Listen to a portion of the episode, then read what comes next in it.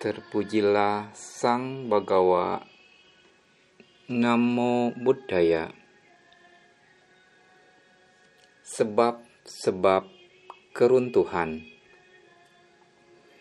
Suijano Bawang Hoti Suijano Parabhawo Dhammakamo Bawang Hoti Dhammadesi para bawo. Dengan mudah dapat diketahui siapa yang maju. Dengan mudah pula dapat diketahui siapa yang runtuh. Dia yang menyenangi dhamma akan maju. Dia yang membenci dhamma akan runtuh. Para bawa sutta Dalam kesempatan yang baik ini, kita akan membahas dhamma tentang hal-hal yang menyebabkan seseorang hancur, runtuh, atau merosot kehidupannya, baik kehidupan spiritualnya maupun kekayaannya, baik di kehidupan sekarang maupun dalam kehidupan berikutnya. Sebab-sebab keruntuhan atau kehancuran atau kemerosotan ini dijelaskan oleh Sang Buddha dalam para bawa sutta, Sutta Nipata. Khotbah ini dibabarkan di Sawati, di hutan Jeta, di wihara yang dibangun oleh hartawan Anata Pindika. Dibabarkan pada saat hari menjelang pagi kepada para dewa yang datang menjumpai dan bertanya kepada beliau. Uraian berikut ini adalah beberapa petikan yang diambil dari para bawa sutta. Yang pertama, dia yang menyenangi dhamma akan maju, dan dia yang membenci dhamma akan runtuh. Siapa yang menyenangi dhamma itu? Orang yang menyenangi dhamma adalah orang yang dalam perbuatan jasmaninya selalu baik, dalam ucapannya selalu baik, dan dalam pikirannya juga selalu baik. Dalam perbuatan jasmani, dia tidak membunuh, tapi penuh cinta kasih dan kasih sayang terhadap semua makhluk hidup. Dia tidak mencuri, tapi dia senang memberi. Dia tidak melakukan asusila, tapi dia setia pada pasangannya yang sah. Dalam berucap, dia tidak berbohong, tidak berkata kasar, tidak memfitnah, dan tidak omong kosong. Senantiasa dalam berucap dengan kejujuran, kata-kata yang lembut, penuh kebenaran, bermanfaat bagi kebahagiaan orang lain, sehingga bila dia akan berucap selalu dengan kehati-hatian agar tidak membuat orang lain menderita karena ucapannya. Dalam pikirannya, tidak ada dendam, tidak ada kebencian, tidak ada cemburu, tidak ada iri hati, berpikir dengan cinta kasih, senantiasa berpikir untuk kebahagiaan makhluk lain dia memiliki pikiran yang benar dan lurus. Siapa yang membenci dhamma itu? Orang yang membenci dhamma adalah orang yang dalam perbuatan jasmaninya selalu buruk, dalam ucapannya juga selalu buruk, dalam pikirannya juga selalu buruk. Yang kedua, Seorang yang berteman dengan orang jahat tidak suka bergaul dengan orang-orang luhur. Dia yang menyenangi ajaran dari orang jahat, inilah yang menyebabkan keruntuhan.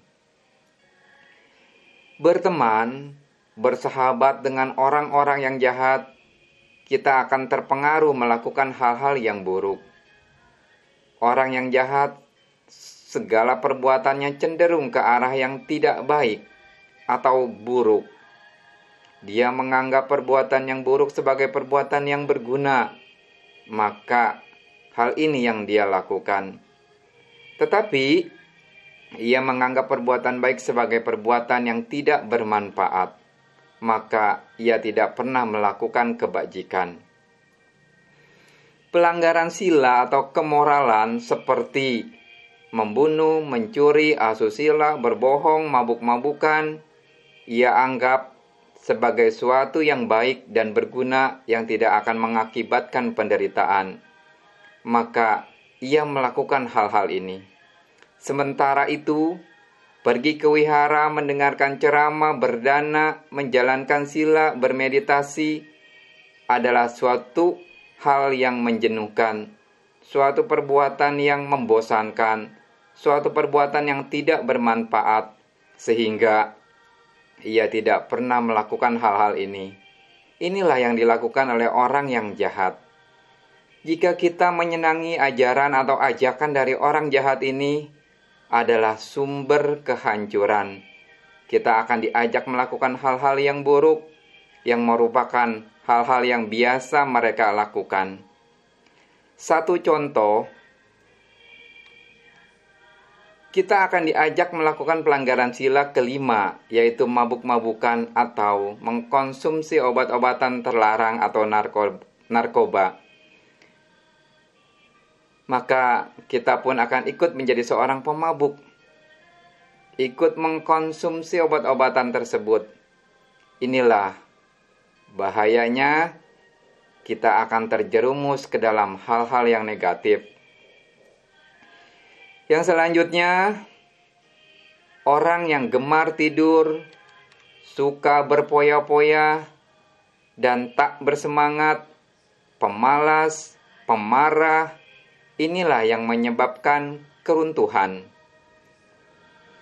Orang yang hidup makmur namun tak menyokong kehidupan ibu dan ayahnya yang sudah tua dan lemah, inilah yang menyebabkan keruntuhan.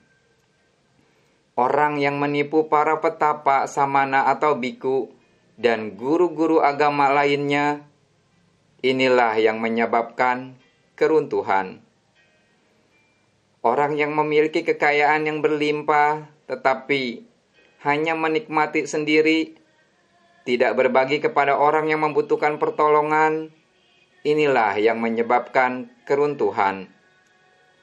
Orang yang menjadi sombong karena keturunan, kekayaan, dan lingkungannya memandang rendah orang lain, inilah yang menyebabkan keruntuhan. Tidak puas dengan istrinya sendiri dan selingkuh dengan istri orang lain, senang bermain perempuan, gemar berjudi, suka mabuk-mabukan, sehingga harta kekayaannya menjadi habis, inilah yang menyebabkan keruntuhan mempercayai dan memberi kekuasaan kepada orang yang suka mabuk, suka berpoya-poya, orang yang tidak bermoral. Inilah yang menyebabkan keruntuhan. Inilah hal-hal yang menyebabkan kehancuran, kemerosotan, keruntuhan seseorang. Khotbah para bawasuta ini adalah untuk mengingatkan kita agar hati-hati dalam menjalani kehidupan ini Jangan sampai kita mengalami kehancuran atau keruntuhan, baik dalam kehidupan saat ini maupun dalam kehidupan berikutnya. Kita akan jatuh dalam penderitaan yang berkepanjangan. Hendaknya lah kita menghindari hal-hal yang membuat kita runtuh, yang membuat kita merosot ini. Sabbe satta bawantu sukitata Semoga semua makhluk hidup berbahagia.